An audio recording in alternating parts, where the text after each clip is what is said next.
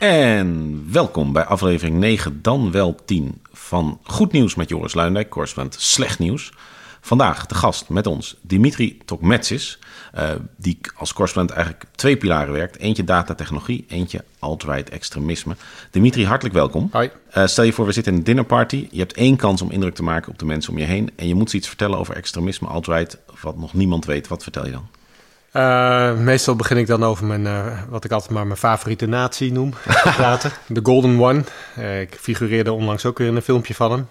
dat is een, een, nou, een nazi is misschien een groot woord, maar hij is wel iemand die het jammer vindt dat de nazi's de Tweede Wereldoorlog hebben verloren.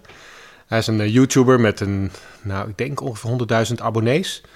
En als je hem ziet, ja, het is een hele aandoenlijke man eigenlijk. Het is een enorme spierbundel. En hij begint meestal ook zijn filmpjes met het tonen van die spierbundels. En vervolgens houdt hij allerlei esoterische betogen over uh, ja, wat er nou precies het probleem is in deze wereld. Dat zijn natuurlijk uh, het feminisme en de buitenlanders. Dat er iets van een rassenoorlog waarschijnlijk zit aan te komen. En dat jonge mannen daar klaar voor moeten zijn. En dat ze een gezond lichaam nodig hebben en een gezonde geest. En dus bijvoorbeeld niet naar pornografie moeten kijken. En niet moeten masturberen. Dus hij heeft een hele levensfilosofie daaromheen gebouwd. En um, ja, dat is iemand die behoorlijk populair is eigenlijk op YouTube. En een uh, grote schare fans vindt. En blijkbaar ook goed in de gaten houdt wat er in Nederland allemaal over hem gezegd wordt. Want iedere keer uh, als hij ter sprake komt in een van mijn stukken, dan uh, figureer ik weer in een van zijn video's. Ja, zo stuwen, stuwen, jullie elkaar omhoog. Ja, ik denk het. Nou ja, kijk, in, zeker in zijn geval, zijn leven van de controverse. Dus iedere aandacht is goed. Ja. Worden ze aangevallen, dan is dat heel fijn. Want dan, uh, dan uh, kunnen ze weer het frame versterken van wij uh, mogen er niet zijn en ze hebben iets tegen ons en kijk die linkse elite nou eens. En krijgen ze op een andere manier aandacht, dan is het ook fijn, want dan is de erkenning voor wat ze doen. Hoe zorg je dat je open blijft staan voor die mensen? Want ik denk dat hoe je het nu beschreef, klonk al in je toon door, wat eigenlijk altijd in die toon doorklinkt, een soort, soort welwillende minachting. Mm -hmm. tegelijkertijd is, is, probeer ik in mijn werk altijd te uitgaan van de no nobele motieven van mijn subjecten. Ja. Als je dat hier zou doen? Um, ik denk de, de mensen die ik bestudeer en beschrijf al wel een paar stappen verder zijn dan dat. Uh, kijk, stel je beschrijft uh, de gewone aanhang van grote politieke rechtse bewegingen of extreem, uh, extreem rechtse bewegingen. die benader je wel anders. Ik, bedoel, ik, begrijp wel waarom mensen zich bij Pegida aansluiten of waarom mensen bij het Forum voor Democratie, waarom ze dat stemmen daar kun je wel in leven. Uh, kijk je naar de meer extreme uitwassen, en dat zijn vooral de mensen die ik onderzoek, dan is het wel lastig om die empathie uh, in sympathie om te, om, uh, om te zetten. Ehm, die empathie voel ik altijd wel. En ik zie ook wel wat voor figuren dat zijn. En ook zo'n de Golden One, ja, ik noem hem dan altijd maar mijn favoriete natie. Het is een, waarschijnlijk een heel tragisch figuur als je hem tegenkomt. Want jullie hebben elkaar nooit ontmoet? Wij hebben elkaar nooit ontmoet. Zou je dat willen? ja, ja, absoluut. Nou, zullen we dan bij deze een uitnodiging aan uh, uitdoen. Misschien moet je hem dan anders noemen. ik denk het wel, ja. Hij is misschien, je ziet hoe groot hij is. Hij is. Jij bent dan misschien wel zijn favoriete goedmens. Ja, ongetwijfeld. Nou ja, misschien ben ik toch onbelangrijk voor hem, maar uh, ik zou hem best wel snel ontmoeten. En dat geldt eigenlijk voor heel veel van die mensen. Ja, ik ben wel nieuwsgierig naar wat ze daartoe gedreven he, he, hebben. Maar ik moet ook zeggen, om, om nog even terug te keren naar je, naar je vraag. Als je heel lang in hun gedachtegoed verdiept en al die video's hebt bekeken en in hun, uh, en hun uh, leven hebt uh, verdiept. Het is al lastig hoor om ze nog serieus te nemen. Ja, en dat is vanwege feitelijke onjuistheden of interpretatieve? Um, waar ik zelf een beetje depressief van werd, door er maandenlang in te dompelen, was... Uh, het gaat allemaal over hetzelfde. Het is al, allemaal eigenlijk maar één of twee thema's die Nou. continu weer terugkomen. Het is het slachtofferdenken van wij worden verdrukt. Uh, het is heel apocalyptisch allemaal. Uh, en daar geloven ze vast, sommigen geloven daar vast wel in. Het antifeminisme is heel sterk als thema. Dus het is altijd de schuld van de vrouwen of van de buitenlanders, een van de twee. En ja, dat, dat is het ongeveer. Dat zijn ongeveer de thema's. En uh, daaronder heb je allerlei variaties. Dat maakt het heel vervelend op een gegeven moment. Je weet het wel. Het, het werkt demoraliserend. Ja, en dan probeer ik mezelf te verplaatsen als in de, in de rol van de kijker... Die, die, die dit soort dingen op een dagelijkse schaal consumeren. Als dit jouw blik is op de wereld... Uh, ja, dan heb je geen fijn leven, denk ik. Ja, ik heb, dat, ik heb een tijd lang... Uh, was het mijn taak om mensen van Hezbollah te interviewen. Hamas, uh, Islamitische Jihad. En wat mij daarbij zo trof, is hoe, hoe, je, hoe dat eigenlijk samen kan gaan. Dus iemand kan... Dan zag ik online, had ik echt de meest ongelooflijke ellende gezien... in dat misogeen, homofoob, antisemitisch. Uh, en dan kom je bij zo'n man langs en dan uh, Mahmoud Sahar of zo. In zijn huis. En dan, uh, nou ja, dan belt het komkommermannetje aan. En midden in een verhaal over de, de Zionistische wereldsamenleving draait hij zich om en zegt hij: Ja, twee kilo, maar niet weer van die rotzooi zoals vorige week, want ik moest de helft weggooien. En dan draait hij weer terug en dan gaat hij verder. Ja. En daar was ik helemaal niet op ingesteld.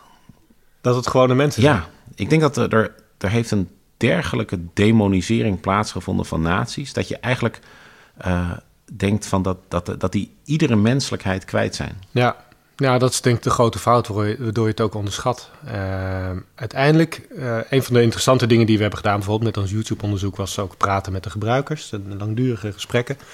Het zijn hele normale mensen die heel normaal functioneren. En die, uh, die ja, naast je kunnen wonen, bij wijze van spreken. En je zou het niet eens doorhebben dat hij dat soort dingen aanhangt. Ja. Ik ken in mijn persoonlijke omgeving ook al mensen die best wel in die wereld zitten. Ja. En dat zijn hele aardige mensen, daar is niks mis mee. Ja. En in persoonlijk contact is het allemaal prima. Maar uh, als ze eenmaal achter dat scherm zitten, dan uh, lijkt er een soort gedaanteverwisseling gaande te zijn. Om een voorbeeld te geven, ik heb ook met, met de leiding van Identitair Verzet een keer gedineerd. Um, nou, de Identitair Verzet in Nederland het is een vrij kleine club. Ik denk, nou ja, misschien man of 20, 30 aanhang. En zij zijn degene die vaak uh, moskeeën bezetten of scholen, islamitische scholen en zo bezetten. Ze worden gezien als uh, rechtsextremistisch. Ik vind het een wat zware term, denk ik, voor wat, je, wat ze daadwerkelijk doen. Maar op zo'n avond heb je gewoon een heel gezellig gesprek met elkaar. We hebben gewoon gelachen en, uh, en, uh, en ja, zij vroegen dingen aan mij. En ik heb gewoon verteld over mijn politieke overtuigingen. Ik heb gevraagd naar hun politieke overtuiging, hoe, daar, hoe ze daarbij gekomen zijn. Ja, en dat, dat is het. Het zijn gewoon hele normale mensen. Ja. Zie je er later terug in een documentaire uh, op de NPO. Uh, waren ze een paar van die gasten die ik had gesproken, die zie je dan uh, in Berlijn demonstreren. Nou, het lijkt totaal andere mensen die daar rondlopen. Ja. En dan hebben ze in één keer moeite met. ik, ik ben ook van buitenlandse afkomst oorspronkelijk. En daar hoor ik ze gewoon zeggen tegen, tegen de interviewer, die ook, ja, net als ik, van buitenlandse afkomst is, die in ieder geval ouders heeft die ergens anders vandaan komen, van, nou, dat zij eigenlijk wilden dat hij oprolt naar zijn eigen land. Ja. Maar dat is niet iets wat ze mij toen hebben gezegd in mijn gezicht. Ja. Nee. Maar op zo'n moment hebben ze dus een bepaalde act. En dat hebben die YouTube-vloggers hebben dat ook. Het is bij hun een act. En dat maakt uh, het voor mij moeilijk om sympathie te voelen met ze. Want ik heb het idee dat ze het... Uh, het is ook een levenswijze voor, of een levensvorm voor ze. Ja, dus hoe zij geld verdienen. Weet je? Het, is, Ja, ja. het is een baan geworden, dit. Ja. En dat maakt het heel cynisch, Ja. vaak. Vaak denk ik, je gelooft het zelf niet eens wat je hier allemaal aan het zeggen bent. Dat uh, wereldbeeld hè, van mensen die veel klikken op dit soort alt-right extremistische video's. We hebben van YouTube het een en ander gehaald. En bijvoorbeeld een discussie tussen een alt-right iemand en twee uh, zwarte Amerikanen. We are living at a time in which white people are losing social dominance day by day. You're afraid of being marginalized, right? Welcome to what it feels like to be black. You don't think white folks still dominating the world? We do dominate the world to, to an extent. Look at the boards of directors of most corporations, tons of white people and Jews. Yes. But every day we hear, oh, isn't this great? There's more diversity in this corporation. Don't we need more people of color in films and movies? Isn't this wonderful? What is the trajectory? Where is the arrow pointing? The arrow is pointing away from white power. At the end of the day, racial differences cannot fundamentally be breached ever. What? Lots of people will come up here and talk about equality or opportunity or whatever. That's bullshit. I do care about power. Power is good. Dat idee van uh, het, het, verlies van de witte meerderheid en ook het idee van zero sum. Hè, van wat er bij zwarte bij komt, gaat er bij witte af. Ja. Zit dat diep? Ja, ja. Nou ja, wat me opvalt is dat je, dat je dat wel steeds meer ook in Europa ziet. Dan zit je met name wat meer in die identitaire hoek. Dus uh, je hebt de identitaire beweging. Dat is een, uh, een club die eigenlijk in Frankrijk is begonnen. Ongeveer rond 2002, 2003 zo. Ze zijn vooral jongeren die zich daarbij aansluiten. En uh, inmiddels zijn er over heel Europa zijn er afdelingen. Met name in Oostenrijk is een hele grote. En in Duitsland. En, maar ook in Engeland en Nederland en België. Zit echt overal inmiddels.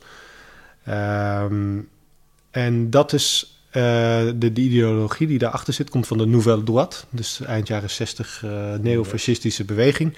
Als reactie op de, het nieuw links van toen.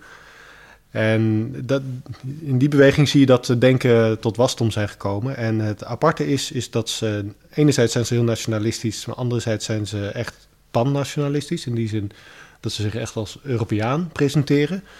Ze, voelen zich onderdeel van de Europese beschaving.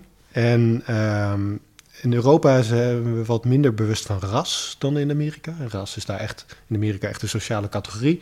Ja. je bent African American of je bent uh, Joods. Want geldt niet, als Joods ben je niet wit. Klopt. En in Europa is veel meer etnisch uh, georiënteerd. Dus uh, veel meer iets waar je voor jezelf hebt gekozen of waar je geboren bent. Um, maar je ziet wel bij de identitairen dat ze ook toch weer wat meer op dat ras zitten. Dat raszuivere, blank, ja. wat belangrijk is. Ja. Uh, en dat, die beweging zie je nu wel steeds meer voet aan de grond krijgen. En uh, ik zou zelf zeggen, uh, ook bijvoorbeeld met Baudet. Ik begreep net deze week las ik van Nadja Boeras, de onderzoekster, die erop wees dat voor het CBS gemengde huwelijken er moeten altijd een witte bij zitten. Ja. Dus een Surinamer die met een Marokkaan trouwt, is geen gemengd huwelijk. Nee, dat is wel raar, hè? Zo. Dus er is wel, dat, is, dat geeft wel aan hoe diep de voedingsbodem is waarop deze elitaire bewegingen kunnen uh, voortgaan. Ja, het zit overal. Ik bedoel, ik ben zelf tweede generatie allochtoon. Uh, mijn vader is Grieks, mijn moeder is Nederlands. En uh, voor heel veel mensen, ik ben gewoon in Nederland geboren. Ik ben bij mijn moeder opgegroeid. Dus ik voel mij Nederlands. Ik praat niet eens Grieks. Dus, maar voor heel veel mensen ben ik nog steeds een allochtoon. Maar waar kom je echt vandaan, Dimitri? Niet ja, dat, Utrecht? uit een linksbolwerk natuurlijk. Ja, ja, ja, ja, ja. Nee, maar uh, ja, uh, wat dat betreft zit dat denken zo, uh, zo verankerd in allerlei categorieën. Ja, en, veel meer plekken. Ja. Dus van de ene kant wil je dat denken gaan uitroken. wat bijvoorbeeld ontzettend goed wordt gedaan door de anti-Zwarte Piet-beweging en dat soort dingen. Van de andere kant zie je ook dat, die, dat dat uitroken tot deze mede bijdraagt aan deze extreme tegenreactie. Ja, maar jij ziet het ook telkens weer veranderen. Ik bedoel, toen mijn vader hier in Nederland kwam in de jaren zestig, uh, nou, die heeft heel veel discriminatie moeten ondergaan. En de Grieken waren maar viezerikken en uh, uit op onze vrouwen, wat ook al klopte. Maar uh, dat was hem niet helemaal. Ja. ja. nu zijn Grieken prima, weet je. Dat, ja, Italianen, hoe heet die? toontje lager voor de oudere luisteraar. zoveel te doen. Ik moet nog eens wat jatten van een Italiaan. ja. En Spanjaarden waren daarna, daarna, op een gegeven moment zullen we, uh, toen waren het de Surinamers. En uh, nu ja. zijn Surinamers oké. Okay, nee, die, zitten nu, die hebben nu zo'n sympathieke rol in alle reclames. Juist. Ja, ja. ja nee, ik, als met Marokkaanse vrienden zeg ik altijd van, je moet gewoon wachten. Ja. Er komt op een gegeven moment een nieuwe groep. Dan schuiven jullie eentje op. Ik zeg altijd, je moet altijd heel veel restaurants gaan openen. En dan, de liefde gaat door de maag. De liefde gaat door de maag, ja. ja. want ik zat te denken van, stel je voor, je, je bent, er zit geen racistische vezel in je lijf. Maar je bent tot de conclusie gekomen dat verdere immigratie voor Nederland niet goed is. Ja. Uh, dus dus mensen die tegen, principieel tegen immigratie zijn, die willen dus ook iedereen die met via immigratie is gekomen weer weg hebben. Dat, dat, dat 99% lijkt me racisten. Maar ik kom ook gewoon zelf mensen tegen met een immigratieachtergrond die zeggen van uh, dat we moeten echt daarmee ophouden. Die hebben eigenlijk geen politiek, uh, geen fatsoenlijk, in, in onze goed ogen, fatsoenlijke politiek huis. Nee. Die kunnen alleen maar naar dit soort clubs. Ja, ja dat denk ik ook.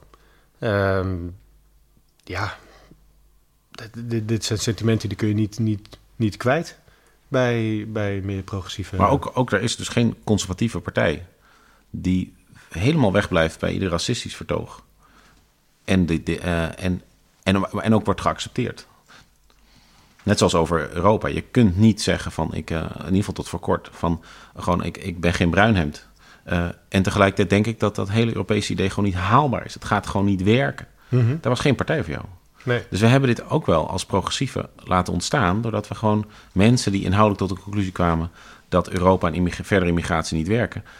gewoon alleen dit soort enge clubjes die jij bestudeert hebben overgelaten. Ja. ja. Ook niet echt handig van ons. Nee, nee, absoluut niet. Ja, en ook daarin geldt weer dat je altijd weer moet kijken naar dat spectrum natuurlijk. Ik bedoel, je hebt dat hele extreme en je hebt dat ja, iets... iets iets meer politiek haalbare. Eh, ja, zeg maar PVV versus eh, de echte extreemrechtse dingen. Ja, tuurlijk eh, hebben daar heel veel in prijs gegeven. Dan zie je ook wel dat PVV in heel veel opzichten, in ieder geval met de mond, het een vrij linkse partij is. In heel veel opzichten. Ja, sociaal-economisch gezien. Eh, Stemgedrag niet altijd, maar eh, ja, ik kan me wel voorstellen dat mensen zich daardoor aangetrokken voelen. Dat hebben we zeker laten liggen. En ook het hele gevoel van, wat betekent het nou om Nederlander te zijn en om Europeaan te zijn. Dus wat dat betreft, bedoel, ik maak me af en toe best wel zorgen over de richting die we met z'n allen omgaan, opgaan. Ja. Ehm, er zijn een aantal, eh, een aantal thema's waarvan ik niet had verwacht dat die zo groot waren binnen dat, eh, binnen dat eh, rechtsextremistische netwerk. De eerste is antisemitisme. Dat zie je echt, echt heel groot aan het worden is, in ieder geval online. Alles is in één keer tegen Joden. En eh, overal worden Joodse machinaties gezien. En dat heeft heel veel met die Soros te maken. Het andere is, en dat verbaast me ook hooglijk, is het antifeminisme. Dus eigenlijk dat vrouwen zich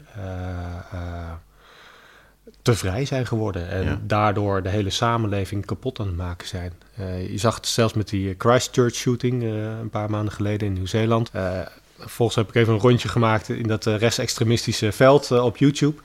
Nou, dan krijgen de Joden uiteraard meteen de schuld, want het is een soort Mossad-complot. Maar ook feministen krijgen daar de schuld, want die hebben de samenleving week gemaakt en, en Ja. rijp gemaakt om een grote hoeveelheden immigranten op te nemen. Ik denk zelf waar het vandaan komt, als je kijkt naar eh, het soort mensen wat zich heel erg aangetrokken voelen tot die, eh, tot die eh, online, echt die alt-right, die harde alt-right, die je vooral online vindt, zijn veel jonge mannen. Ja. En die zijn, ja, het is geen goede tijd om een jonge vent te zijn van in de twintig, want probeer maar eens een baan te vinden waar je mee vooruit komt. Probeer maar eens woonruimte te vinden waarmee je vooruit komt. En je ziet al die vrouwen die links en rechts aan het inhalen zijn. Ja. Op de arbeidsmarkt en overal. Ja, dat leidt tot heel veel vrevel. En jij zit er dan in de kelder van je moeder eh, een beetje de hele dag te gamen. Dat, eh, Maar dat is wel interessant, want, want- ik luister net naar je. Ja. En ik denk, ja, ik luister gewoon naar eh, een beschrijving van het moslimfundamentalisme. Ja, ik denk dat, Hartstikke vrouwenvriendelijk, hartstikke antisemitisch. ja, maar die twee liggen toch ook dicht bij elkaar. Ja, maar dus dat, dat wij dus als... Dus rechts zit zich op dat moslimfundamentalisme te richten. En wij als progressieven zitten op ons dat op wit fundamentalisme te, le- te letten. En daardoor we, laten we eigenlijk, we ons eigenlijk tegen elkaar uitspelen. Ja, maar dat is sowieso toch het eh, probleem van progressieven in dit geval. Het is een geheel. eh, ik denk dat progressief links zo in de, de hoek is gedrukt op dit moment dat ze de status quo aan het verdedigen is. Terwijl we eigenlijk tegen die status quo zijn. De meest progressieve linkse mensen zijn ook tegen dit Europa, omdat het te neoliberaal is. De meeste zijn ook tegen de islam in al zijn slechte vormen. Alleen nu voelen we blijkbaar, en ik zeg maar even we in dit geval, ik, ik weet niet of ik mezelf helemaal onderschaar, maar voelen we ons blijkbaar eh, verplicht om in één keer een religie te gaan verdedigen. Een onderdrukkende religie te gaan verdedigen. Om het, de huidige status quo te gaan verdedigen. Ik denk dat dat een vrij kansloze weg is, eerlijk Maar gezegd. in voor zeg, 1995 deden we het ook niet. Nee, omdat het niet mocht. Pakten we, eh, maar van onszelf pakten Ja. we ook niet. Want, want ik weet, de islam lijkt me niet onderdrukkend. Het is gewoon alleen, het wordt nu heel onderdrukkend uitgelegd. Ja. Eh, maar dat, dat hielden wij met alle macht, uit alle macht van de agenda. Ja. En daarmee hebben we volgens mij dit monster ook echt ge- gevoed. Niet gecreëerd, maar wel gevoed. ja, dat denk ik ook. Ja. Dat hebben we lekker gedaan, luisteraars. Ehm, we gaan eens even kijken naar eh, data en technologie. Eh, het is fascinerend hoe, hoe, hoe, hoe knap, eh, als we dat even amoreel gebruiken, dat woord, hoe knap alt-right en extreem rechts die data en technologie inzet. Precies, als ik even mag zeggen, op mag wijzen, als moslimfundamentalisten. Ayatollah Khomeini in Iran in 1979 was niet aan de macht gekomen zonder cassettebandjes. Osama Bin Laden was niet, had nooit kunnen bereiken wat hij heeft gedaan van Al-Qaeda... als hij niet toen net satelliettelevisie had kunnen gebruiken. En nu weer, eh, te midden van alle optimisme over technologie van de afgelopen 30 jaar... wie gaan er uiteindelijk met de prijs vandoor? Supergedreven, tech-savvy, griezels. Ja. Wat is het grootste misverstand over gebruik van data en technologie door de alt-right? Nou ja, data gebruiken ze niet echt. Maar ik denk dat zij, eh, omdat ze geen eigen platform hebben, eh, optimaal gebruik hebben weten te maken van alle alternatieve platforms die zijn Ja, ontstaan. ze moesten wel. Ze moesten zich moesten veel wel. vernieuwen. En hebben dat heel handig gedaan. Ja. En het is de laksheid, denk ik, van die tech technologieplatforms... dat ze al die ruimte ook hebben gekregen. Ja. Dus ze hadden dit niet kunnen doen zonder eh, de algoritme van Facebook... en zonder de algoritme van YouTube. Die heeft ze enorm versterkt. Ja, omdat zo gauw je maar eh, enigszins belangstelling toont voor dit soort denken, krijg je meteen 30 suggesties van nieuwe. Juist. Ja, je wordt echt in zo'n rabbit hole ingezogen. Ja, je ziet hetzelfde met eh, de financiële wereld. Er zijn een aantal heel knap gemaakte hypermanipulatieve video's over geldcreatie. Als je er maar eentje aanklikt, krijg je steeds meer. En na vijf denk je, dit moet kloppen, want ik heb er nu al vijf Ja. gezien. Ja. Nee, daarom. En eh, zeker YouTube is gemaakt voor dit soort niches. Om Ja. dat soort niches mensen in niches te trekken. En niet eh, algemene dingen in te trekken. Ja, en daar floreren dit soort groepen. En eh, sommige makers die maken daar echt heel handig gebruik van. Door bijvoorbeeld, je ziet het eh, als er iets is gebeurd. Bijvoorbeeld, eh, ik heb toen met de rellen van Chemnitz... In, eh, in september vorig jaar Even uitleg, de rellen van Kenneth. ja, er was, was er een, volgens mij een asielzoeker of een vluchteling had iemand neergestoken. En daar, ehm, daar is een enorme woede over ontstaan, volkswoede over ontstaan. En dagenlang kwamen er duizenden, tienduizenden mensen op straat in Chemnitz, in Oost-Duitsland, voormalig Oost-Duitsland, om daarover te demonstreren. En nou ja, eh, dat, dat heeft natuurlijk heel veel headlines gehaald. Eh, er zaten ook wel wat nazistische elementen tussen, maar voor de rest was het volgens mij gewoon de normale plaatselijke bevolking. Iedereen is zich helemaal rot geschrokken. Eh, van alle haat en alle woede die daar naar buiten is gekomen. Ehm, wat je zag, kort na Chemnitz, als je dan eh, zoekt via Google van eh, riots Chemnitz, dus je heel neutraal zoekt. Maar eerst de resultaten, videoresultaten die je krijgt, zijn allemaal van die extreemrechtse vloggers. Ja. Want wat doen die? Die gaan eh, op het moment dat het gebeurt, gaan ze meteen vlogs maken van zo'n 10 minuten. Dat is de ideale lengte voor, voor YouTube. En ze hoeven geen, niet aan uitgebreide factchecks te doen. Het is een vrij emotioneel verhaal. Dus het gaat heel erg over gevoelens en wat gebeurt er nou. Ze proberen dat te duiden. En eigenlijk zeggen ze heel weinig. Maar ja, het past gewoon in hun standaard narratief dat ze hebben. En ze hebben dat meteen online staan. En ja, dat, daar wordt op geklikt meteen. Hè? Want het, is, het prikkelt.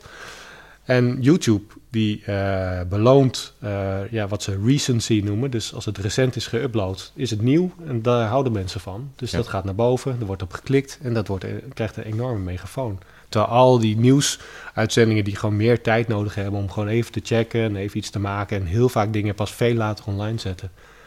Ehm, ja, die hollen daar maar een beetje achteraan. Ja. Ja. Daar, ik heb de indruk dat ze daar goed gebruik van maken. En ehm, eh, wat je ook al ziet, ja, er zijn ook zoveel video's op YouTube te vinden over hoe je dat kan manipuleren. Hoe je dat kan doen. Ja, daar hebben ze gewoon goed naar gekeken. En dat is hun broodwinning dus. Ja, dat is niet de eerste. Als je de biografie leest van Hitler door, van Volker Ulrich, een echte aanrader mensen, eh, dan eh, zie je ook dat, dat eh, de nazi's ook, ook als geen ander mo- moderne technologie wisten te gebruiken. Hitler vloog in een vliegtuig. Van campagnebijeenkomst naar campagnebijeenkomst. Stonden die, al, die, al die mensen stonden omhoog te kijken of hij al aankwam vliegen uit Ja. de hemel. Ah, fantastisch. Met, heel veel mensen gingen ook naar die rallies. Dat was gewoon de best show in town. Ja. Onwijs mooie choreografie. Ja. Die, je, een van de, je, hebt, je noemde al hè, je, je serie. Je hebt onder meer samengewerkt met Florian Kramer, eh, van oorsprong Duits, eh, docent visuele cultuur aan de Hogeschool van Rotterdam. Eh, die, die heeft ook heel mooi de nadruk gelegd op de, het visuele aspect van dit alles. Hè. Jij, jij hebt het over emoties. Emoties worden Ja. door beelden heel erg gedragen. Hij zegt daar een paar heel interessante dingen over. de, de klassieke eh, strategieën van extreem rechts waren op zich conservatief ehm, en eh, traditionalistisch. En wat we nu zien is een soort van, ja, eh, niet alleen gebruik van een popculturele eh, taal, maar zelfs de ontwikkeling, ik zou kunnen zeggen, avant-garde van een, van een popculturele uh, beeldtaal. Zijn de memes, de internetmemes. Bijvoorbeeld een, beeld van uh, Pippa the. Uh, heeft hij dan een uh, Joodse ster ergens in zijn hand en dan staat er uh, uh, op. En dan, nog, uh, dan heb je nog tussen drie hekjes. Die drie hekjes zijn een antisemitisch symbool. Ja? Dus het, het, het werkt echt ook dan ook met een hele eigen taal, met een jargon, die, die je eerst moet begrijpen voordat je eerst deze, deze memes kan lezen. Dat is ook een heel slimme strategie. humor en ironie is ook een, hoe zou je zeggen, het is een stijl. Het, is een, het is een verpakking. Dus en onder de verpakking is er altijd iets. Dus dat is, dat, en dat is ook geen nieuw fenomeen. Dat kennen we op, al, bijvoorbeeld het fenomeen van uh, politiek cabaret. Daar heb je dat ook. dus je, je hebt een, een ironische manier, een, een humor om dan toch een serieuze politieke boodschap over te brengen. Dat wordt hier feitelijk ook gedaan. Je zou kunnen zeggen, het is een soort van popcultureel cabaret of een, een carnaval zou ik ook bijna kunnen zeggen. Ja. ja. Um, humor en, en, ironie worden vaak als een soort van glijmiddel gebruikt. Dus mensen um, die er niet bekend zijn met die subcultuur, die denken, ja, dat, dat is grappig bedoeld. Dat is, dat is niet serieus bedoeld, maar het is serieus bedoeld. Ja? Net als cabaret, met humor een politieke boodschap brengen. Die dubbelzinnigheid is heel Ja. interessant. Hè? Ja, klopt. Ja. Hitler, Hitler was alles behalve dubbelzinnig. Het lastige, ik, ik heb natuurlijk heel veel naar YouTube gekeken, maar ja, je hebt eigenlijk verschillende, verschillende vormen in. Je hebt enerzijds de meme-kant. Dus dat, ze, dat is, speelt zich wat meer af op 4chan. En 4chan is, eh, is een, eh, een zogenoemd imageboard. Het bestaat al best wel lang. Het is een plek waar mensen gewoon eh, ja, kunnen shit posten, noemen ze dat. Dus eigenlijk gewoon anoniem van alles kunnen plaatsen. Shit posten. Oh, daar had opa nog niet van gehoord. Van Nee. het woord. Ah. Zo noemen ze dat, shitposten. Maar langzaamaan eh is daar eh, op een aantal boards is er een soort politiek bewustzijn ontstaan. En regelmatig eh, ontstaan er weer een soort activistische groepen, zoals Anonymous is daar ontstaan. Ook een deel van de Occupy-beweging is daar naar boven gekomen. En sinds een paar jaar zie je dus vooral de alt-right, eh, die, die, die, dat, eh, die de politieke kanalen daar bevolken. En die produceren continu memes. Eh, ik denk als je kijkt naar de hele meme-cultuur, eh, eh, memes ontstaan natuurlijk overal. Memes zijn gewoon plaatjes, grappen die voortbouwen op eerdere plaatjes, grappen, op culturele eh, eh, verwijzingen. Het zijn altijd dingen die je kent en die je meteen aanvoelt, in één ogenblik aanvoelt van, oh ja, hier wordt een bepaalde boodschap wordt Ja. overgebracht. Vaak in de vorm van een grap. Weet je, ik denk dat 4chan staat wel redelijk aan de bron van heel veel memes. Ik bedoel, er wordt zoveel geproduceerd dat uiteindelijk via andere platforms zoals Reddit, maar ook Tumblr. Nou, Tumblr is niet meer zo populair, maar eh, Facebook en Twitter en langzaamaan in het normale leven terechtkomen. Ehm, Het vergt ook een soort eh, waakzaamheid. Hè? Want je hebt heel interessant geschreven over bijvoorbeeld Kermit de Kikker. Die in opa's jeugd... eh, was dat Pepe de Frog. Pepe de Frog, Ja. ja. ja. waarom kom ik nou aan Kermit de Kikker? Maakt het Ja, het was een beetje een depressieve, nihilistische kikker was het. Dus eh, geen Kermit. maar eh, nee, klopt. Ja, die had een hele andere connotatie. Die is eigenlijk gewoon ingelijfd in, dat, Ja. in die scene. En eh, op een gegeven moment is er allerlei nazi-attributen toegekend. Ja. Dus dan, eh, eh, ja, dan zag je mijn hoofden afhakken en mensen van gassen en dat soort dingen. En dat, dat werd erg grappig. Maar het is heel apart, hè? want als je kijkt naar de, de, de, de beeldtaal van de nazi's... Die was, dat, dat ging allemaal over meedogenloosheid. Mhm. Dus dat, dat, die speeches en zo, dat gaat allemaal over... wij laten niet meer over ons lopen en we zijn sterk. Ja. En, en hier is het eigenlijk zo van... maar we menen het niet. Nee. Dat is zo anders. Ja, maar daar, daar raak je denk ik een goed punt. Want eh, vaak zijn de... eh, eh, er zit ook heel veel zelfspot in. Ja, Juist. iets wat aan de progressief linkse kant nog Ja. wel eens ontbreekt. Wij zijn gewoon losers en het is heel nihilistisch allemaal. Ja, het is ook veel makkelijker hè, om, om iets af te zeiken dan iets te prijzen. Ja, nee, zeker. Ja, alles wordt afgezeken. Dat zie je ook in de... het- eigenlijk is het hele good mensch idee is natuurlijk ook nihilistisch. Ja. Zodra je ook maar iets moreels, iets met een morele lading zegt... ah, dus je bent een good mens. Je bent een hypocriet, je meent het niet. Je bent net zo'n lul als ik. Ja. Ja. als iedereen cynisch is, dan is Trump, eh, zoals Micha Wertheim laatst eh, bij de correspondent schreef, als, als iedereen cynisch is, is de enige eerlijke persoon nog Trump, want die is tenminste open over zijn cynisme. Juist, ja. Ja, en dat is een soort eerlijkheid die je ook wel in dit soort, eh Ja. dit soort uh, contraien tegenkomt. Ik denk ook wel dat dat goedmens argument wordt gebruikt omdat mensen maar geen sluitend inhoudelijk argument horen. Dus als ze zeggen van oké, van de statushouders die er in Nederland eh, zijn gebleven de afgelopen vijf jaar is 70% in de bijstand. Waarom wil jij nog meer statushouders? En dan komt dan, al, wat ik me herinner van gesprekken met eh, PVV-stemmers, die zijn, die zijn op een gegeven moment gewoon ten einde raad. Omdat ze dus van de pechtots van deze wereld gewoon geen inhoudelijk antwoord krijgen. Nee. Maar alleen maar een soort uh, een geschiedenisles uit de Tweede Wereldoorlog. Of een soort van, besef jij wel hoe gevaarlijk het is? Want jij zegt er nu, en ik weet wel dat jij het niet zo bedoelt... maar daar verderop staat een bruinhemd en die is nog veel enger. Maar dat gewoon een argument van... waarom nemen wij nog steeds mensen op... van wie 70% de afgelopen jaar in de bijstand is geraakt? Dat we geen, geen, geen inhoudelijk antwoord hebben. Nee. Nou ja, plus het, uh, uh, heel veel politieke communicatie is natuurlijk ook zo gescript allemaal tegenwoordig. Het is zo onecht en je weet eigenlijk dat je gewoon voorgelogen wordt. Ja. Alleen, ja, het is te gelikt allemaal geworden. Ook de communicatie van bedrijven. Het is... Maar is die niet ook zo gelikt omdat Alexander Pechtold geen antwoord heeft? Gewoon geen inhoudelijk nou antwoord ja, heeft op de vraag. Hoe, uh, hoe minder je te zeggen hebt, hoe wolliger het antwoord, toch? Ik bedoel, uh... ja. ja, maar ik heb ook... Ja, ja misschien wel, ja. Die, uh, deze, deze gast, hoe is, is jouw mensbeeld nou veranderd door het grondig bestuderen van de alt-right en extremisme? Niet echt, denk ik. En wat was je mensbeeld voordat je dat ging ik ben een redelijk optimistisch persoon. Dus, uh, uh, en kijk, als, als je journalist ergens mee bezig bent, dan vind je dat onderwerp het belangrijkste en uh, het grootste wat er is op dat ja. moment. En iedereen moet daarvan weten en, het, en er is geen groter probleem dan dat. Uh, dus af en toe dan glij ik ook wel een beetje af naar, naar het idee van... oh, waarom zien mensen niet hoe groot dat rechtsextremisme is? Soms moet ik ook mezelf daar even wat moed in praten van... het komt wel weer goed en het is tijdelijk en misschien gaat het ook nog wel verder mis. Ik weet het niet, maar ik ben ook historicus van huis uit en er zijn meerdere van dit soort periodes geweest. Ik denk zelf dat het allemaal wel weer goed komt, maar uh, ook waar we het eerder in dit gesprek over hadden, ik geloof niet dat heel veel mensen die daar naar kijken per se slechte mensen zijn. Daar geloof ik niks van. Uh, ik denk wel dat er een aantal leiderfiguren zijn voor wie we moeten uitkijken, die misbruik maken van dit soort sentiment en de boel nog verder naar rechts kunnen duwen of kunnen gaan normaliseren. Ja. Dat, dat zie je echt wel, dat het heel erg genormaliseerd raakt allemaal dat we ervoor afgestompt raakt. En af en toe vergeten wat voor rare dingen er eigenlijk gezegd worden. En wat, wat het zou betekenen als dat uitgevoerd worden, die, dat soort ideeën. Um, maar mensen zijn gewoon mensen en uh, soms zijn ze mensen boos en, uh, om iets. En uh, terecht denk ik dat heel veel mensen boos zijn op dit moment. En ik heb er vertrouwen in dat we, dat er via politieke strijd uiteindelijk wel dingen gaan veranderen. Ja.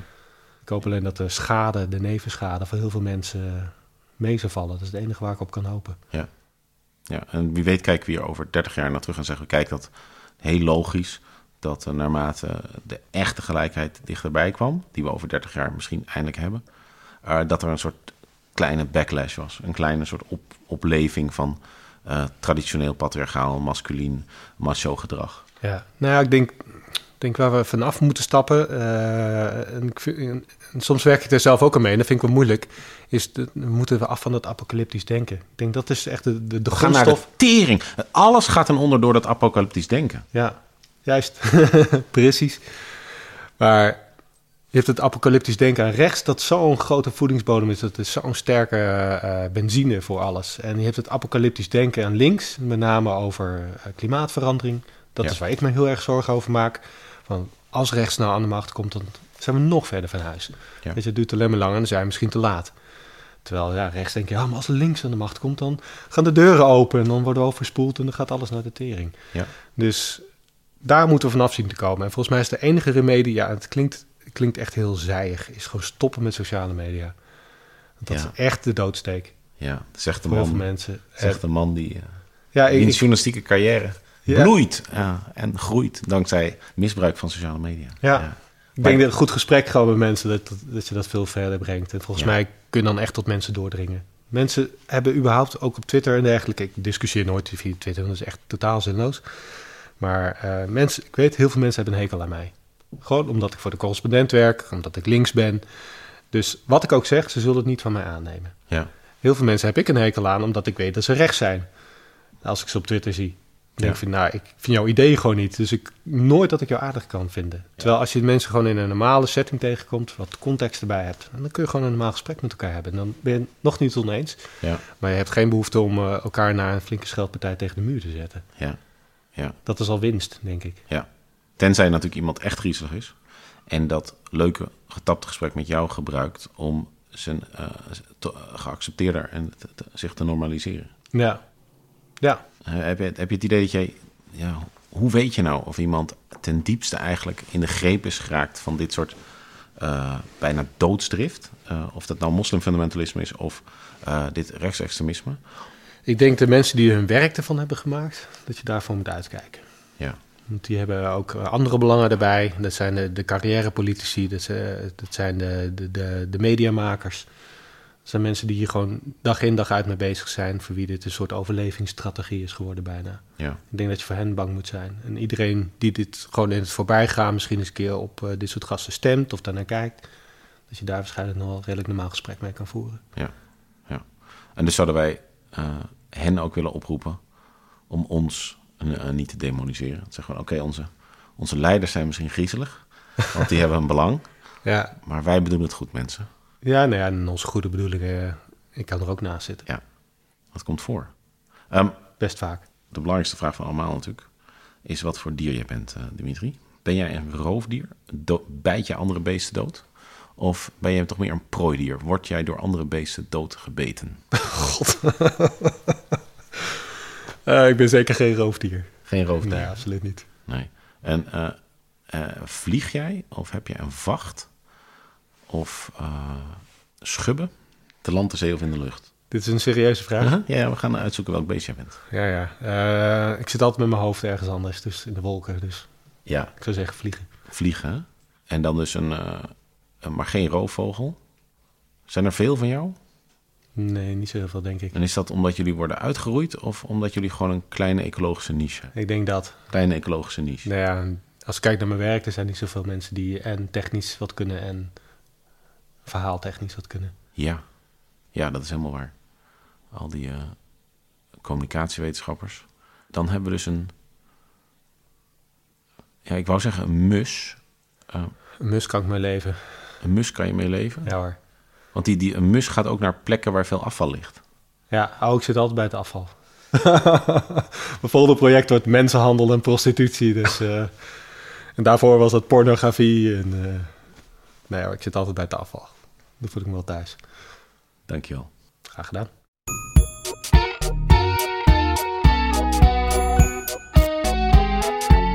Dit was de negende, dan wel tiende aflevering van eh, Goed Nieuws met Joris Luijnek, correspondent Slecht Nieuws. Met ons vandaag was Dimitri Tokmetsis. De productie was in handen, zoals altijd, van Romane Rodriguez. En volgende keer zit hier iemand anders.